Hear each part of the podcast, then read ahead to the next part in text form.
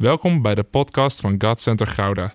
Vanaf deze plek willen we jou inspireren, motiveren en activeren om op een praktische manier je dagelijks leven met God vorm te geven.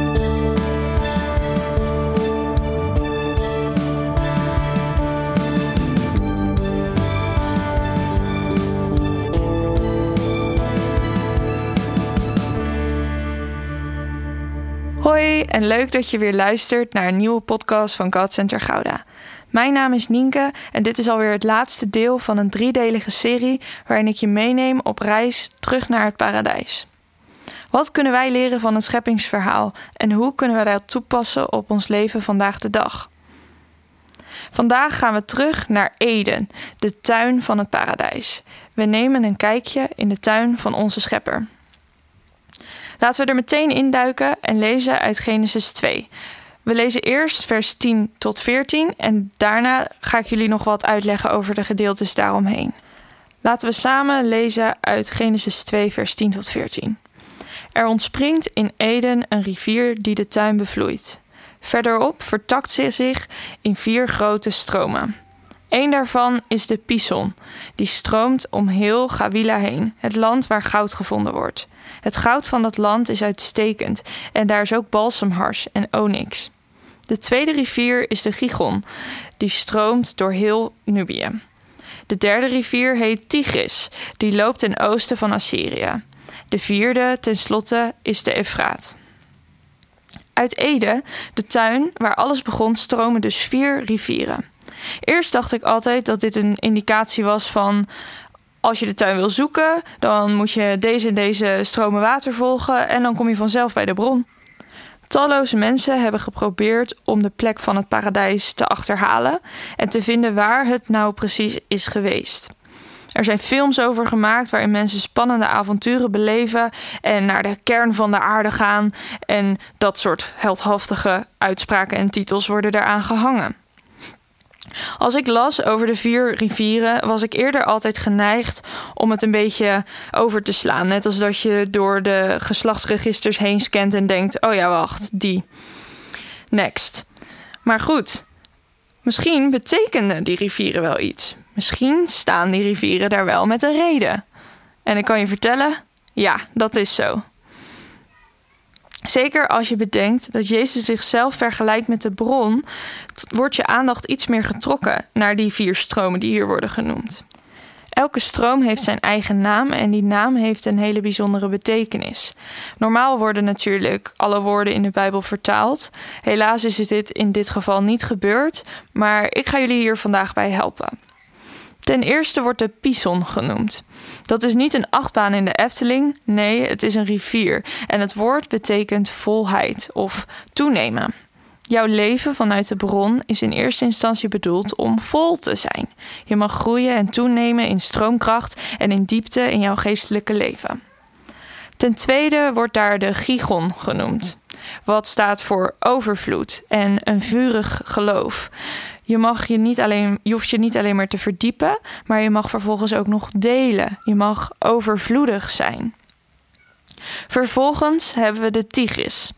Deze rivier staat voor verandering, bekering en bedoeling.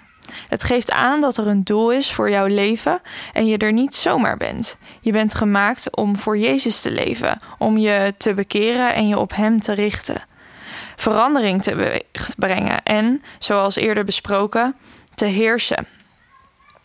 Als laatste wordt daar heel kort de Eufraat genoemd. De Eufraat staat voor vruchtbaarheid en zoetheid. In het droge klimaat van het Midden-Oosten waren rivierbeddingen de meest vruchtbare plekken grond voor landbouw. Doordat de rivier eigenlijk over zijn kanten heen stroomde, kon je hier goed zaad planten en was er een goede oogst. De Eufraat staat dus voor vruchtbaarheid en zoetheid. Het is een zegen waar we van mogen genieten en tegelijkertijd is die vruchtbaarheid een opdracht, zoals we daar eerder over hebben gehad in de eerste podcast van dit drieluik. Je hoort dat er verschillende betekenissen zijn, maar de rivieren hebben ergens overlap. Elke rivier, elke stroom van water brengt leven op de een of andere manier. Zeker vanuit een cultuur in het drogere Midden-Oosten snap ik heel goed dat die, deze rivieren als zo essentieel voor het leven worden gezien. Ik hoorde eens een hele mooie vergelijking over vruchtbaarheid. Als ik jou een appel laat zien en vraag: wat is de vrucht van een appelboom? Wat zou jij daar dan op antwoorden? Waarschijnlijk zou je zeggen: appels. Wat op zich waar is, maar een nog veel belangrijke vrucht van een appelboom is meer dan alleen maar appels. Die appels zijn heel lekker, maar de vrucht van een boom is eigenlijk nog meer bomen.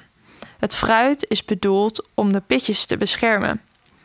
Als ik denk aan hoe ik later herinnerd wil worden, dan is dat niet per se aan de fijne, lekkere vruchten die het daadwerkelijke vrucht van mijn leven beschermen. Bijvoorbeeld, zij kon heel mooie stukjes schrijven, of oh wat leuk dat zij in de kerk zo kon zingen. Ik hoop dat ik word herinnerd aan mijn vriendelijkheid of geduld. Ik hoop dat mensen mij herinneren aan mijn liefde voor Jezus en de boodschap die ik over probeer te dragen. Niet het fruit, wat ik dus kan of presteer, maar de pitjes, het geloof dat je daarmee zaait, dat is uiteindelijk de ware vrucht van het leven. Dat er nog meer mensen van Jezus zullen houden. En zoals ik eerder al heb verteld, doen we daarmee recht aan onze opdracht om over de aarde te heersen en ons te vermenigvuldigen door vruchtbaar te zijn. Over bomen gesproken, laten we terugkeren naar Genesis, want ik zou jullie vandaag een verhaal vertellen over twee bomen. Die twee bomen staan in een tuin. En in die tuin was dus een bron met vier rivieren, maar stonden ook allerlei bloemen, planten en bomen. In Genesis 2, vers 7 tot 9 en daarna 15 tot 17 lezen we over deze tuin en hoe God de mens hierin plantte. Laten we lezen. Toen maakte God de Heer de mens. Hij vormde hem uit stof, uit aarde en blies hem de levensadem in. Zo werd de mens een levend wezen. God de Heer legde in het oosten, in Ede, een tuin aan, en daarin plaatste hij de mens die hij had gemaakt. Hij liet uit de aarde allerlei bomen opschieten, die er aanlokkelijk uitzagen, met heerlijke vruchten. In het midden van de tuin stonden de levensboom en de boom van de kennis van goed en kwaad. God de Heer bracht de mens dus in de tuin van Eden om die te bewerken en erover te waken. Hij hield hem het volgende voor: Van alle bomen in de tuin mag je eten, maar niet van de boom van de kennis van goed en kwaad. Wanneer je daarvan eet, zul je zeker sterven. De Heer plaatste de mens dus in een prachtige tuin. Hier stonden volgens Genesis 2 allemaal bomen en planten. Sommige bomen waren volgens de tekst in Genesis mooi, andere waren nuttig. In Ede, op een hoge plaats, die we volgens Bijbelgeleerden kunnen vergelijken met een soort tempel, staat het belangrijkste centraal in het midden. In het midden plaatst God twee bomen: de boom van het eeuwige leven en de boom van kennis van goed en kwaad. Is het je wel eens opgevallen dat Adam en Eva van alle bomen mochten eten, behalve die van goed en kwaad, behalve één, niet behalve twee? In eerste instantie was de mens dus uitgenodigd om te eten van de boom des levens. Als schepping van God waren we gemaakt om van het eeuwig leven te eten. We hebben vanaf het begin van God het eeuwig leven gekregen. Het was een geschenk. Dit geschenk konden we helaas verliezen door van de boom van goed en kwaad te eten. Ik dacht vroeger altijd dat Adam en Eva als een soort prijs het eeuwige leven konden krijgen als ze voor de test zouden slagen. Maar nee, ze hadden het eeuwige leven in principe al gekregen zonder voorwaarden. God zei niet: je mag alleen van de boom des levens eten als je niet van de andere bomen eet. Maar helaas was het wel de consequentie. Uit bescherming mochten we niet meer van de boom van eeuwig leven eten toen we van de andere boom hadden gegeten. Maar ik wil dus benadrukken: in eerste instantie was het dus juist de bedoeling dat we eeuwig leven zouden hebben. We zijn dus bestemd voor het eeuwige leven, maar we staan ook voor een keuze. In de Bijbel komen we op heel veel verschillende plekken bomen, planten, tuinen en hout tegen op hoge plekken. In het Hebreeuws wordt hier heel de tijd hetzelfde woord voor gebruikt als het woord voor boom in Genesis. Telkens als er zo'n tuin voorkomt, wordt er eigenlijk gezegd: hey, hier gaan we het weer hebben over een keuze tussen goed en kwaad. Denk bijvoorbeeld aan de brandende braamstruik van Mozes. Ook voor deze struik wordt hetzelfde woord gebruikt als in het Hebreeuws wordt gebruikt voor boom. Mozes spreekt bij de struik met God en vervolgens krijgt Israël een keuze. Kiezen ze voor God of kiezen ze voor zichzelf? Helaas kozen ze voor het maken van een afgodenbeeld. Het volk kiest keer op keer weer voor zichzelf en niet voor wat God voor hen voor ogen heeft. En helaas zien we dat wij als mensen daar zelf ook toe zijn geneigd. We zijn geneigd om eerst voor onszelf te kiezen en dan eigenlijk pas te denken aan de ander. Terwijl in Gods koninkrijk het andersom bedoeld is. Eerst voor de ander en dan voor onszelf. En bovenal, kies voor God. De twee bomen staan dus naast elkaar als een keuze. En de keuze is reuze. Zonder keuze is er geen liefde mogelijk, wordt er vaak gezegd. En hier ben ik het ook mee eens. Als God ons niet de keuze had gegeven om tegen Hem te kunnen kiezen, wat was onze keuze voor Hem dan waard? Maar ik wil hierbij nog extra dik onderstrepen: God koos eerst voor ons. Hij maakte ons eerst. Hij kwam naar ons toe niet andersom. Wij moeten dan wel voor hem kiezen, maar zonder dat hij voor ons had gekozen, was die keuze überhaupt niet eens mogelijk geweest. Zoals ik net al zei, zijn wij bestemd voor het eeuwige leven en was dat het eerste geschenk en de bedoeling die God aan ons had gegeven. In het Oude Testament wordt Jezus ook wel aangekondigd als een twijg die opschiet, een soort ontstaan van een nieuwe boom des levens. En later noemt Jezus zichzelf ook de ware wijnstok. Hij is de echte boom des levens. Eeuwig leven hebben we van God gekregen en is nu weer mogelijk door Jezus heen. Wij kunnen die keuze niet uit onszelf maken, zonder dat Jezus dus eerst voor ons heeft gekozen, zonder dat Jezus eerst naar ons toe is gekomen. Het is zoals staat in 1 Johannes 4, vers 19. Wij hebben lief omdat God ons eerst heeft lief gehad. We hebben de mogelijkheid om God lief te hebben omdat Hij ons eerst lief had. Hij gaf ons leven, eeuwig leven, een bron. Hij trok ons op uit het slijk, plaatste ons op een rots, gaf ons rust, relaties en werk, allemaal uit liefde. En van daaruit mogen wij terugkiezen. Mogen wij kiezen voor het leven. Mogen wij kiezen voor Jezus. Gelukkig kwam er dus een nieuwe schepping en mogen wij door Jezus onderdeel zijn van die nieuwe schepping. Jezus kondigde die nieuwe schepping aan toen hij op aarde kwam. Hij noemde zichzelf, zoals ik net al zei, de ware wijnstok, de nieuwe boom des levens. Maar wat deden de mensen met deze boom? Ze kapten hem om. Jezus werd gedood. Maar daar stopt het niet. Het is zoals de vergelijking die Jezus zelf vertelde. Een zaad moet eerst sterven in de grond en zal vervolgens vrucht dragen. Zo gaat het ook met bomen. Een zaadje sterft in de grond en dat schiet vervolgens wortel en zal opbloeien en uiteindelijk een grote boom worden. En wij mogen van deze boom des levens eten. We mogen opnieuw kiezen voor de juiste boom. Jezus versloeg de dood en brengt hierdoor eeuwig leven voort de echte boom des levens in deze nieuwe schepping. Zoals ik al zei, moest Jezus eerst sterven om die nieuwe schepping mogelijk te maken. Heb je wel eens nagedacht over waar Jezus stierf?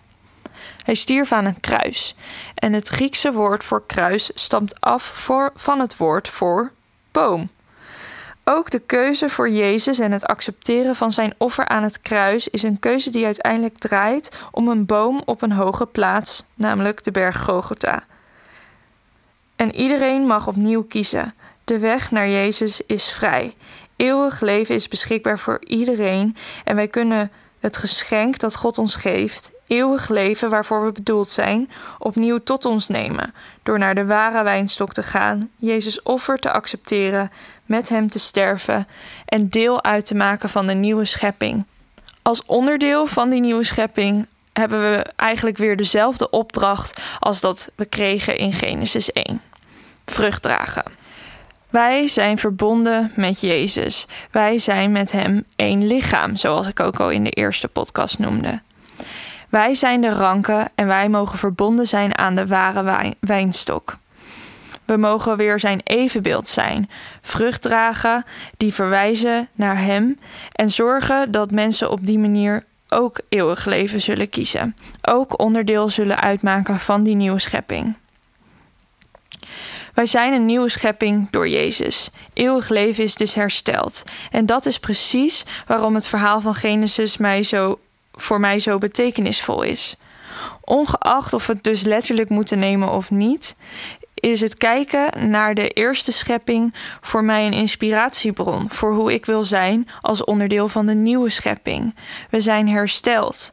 We mogen kijken naar de bedoeling van ons leven, zoals God het in het eerste ontwerp heeft gelegd. En waar anders kunnen we dat vinden dan in Zijn woord, die spreekt over het leven van de eerste mensen? Ik wil graag met jullie bidden om deze podcast af te sluiten. Ik bid dat je een nieuwe kijk hebt gekregen op jouw leven als schepsel van God en dat je naar zijn evenbeeld gelooft dat je naar zijn evenbeeld geschapen bent. Ik bid dat je hart bewogen mag worden en dat je mag heersen zoals Jezus ons heeft geleerd. Dat je om mag zien naar de mensen om je heen en zal zorgen voor de aarde. Ik bid je toe dat je mag genieten van al Gods zegeningen op het gebied van werk, rust en relaties. Ik bid dat je verbonden mag blijven met de ware wijnstok, Jezus. En dat je verbonden mag zijn met het lichaam van Christus.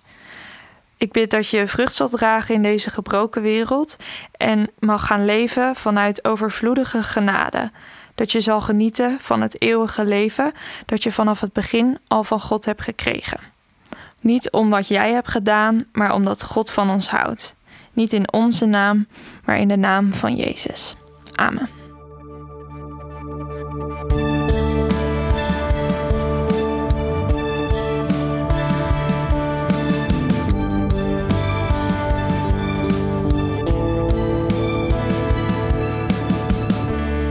Bedankt voor het luisteren naar deze podcast. Volg ons op onze kanalen om verbonden te blijven. Heeft deze aflevering jou geraakt? Deel dan op je socials en tag ons, zodat we samen meer mensen kunnen bereiken.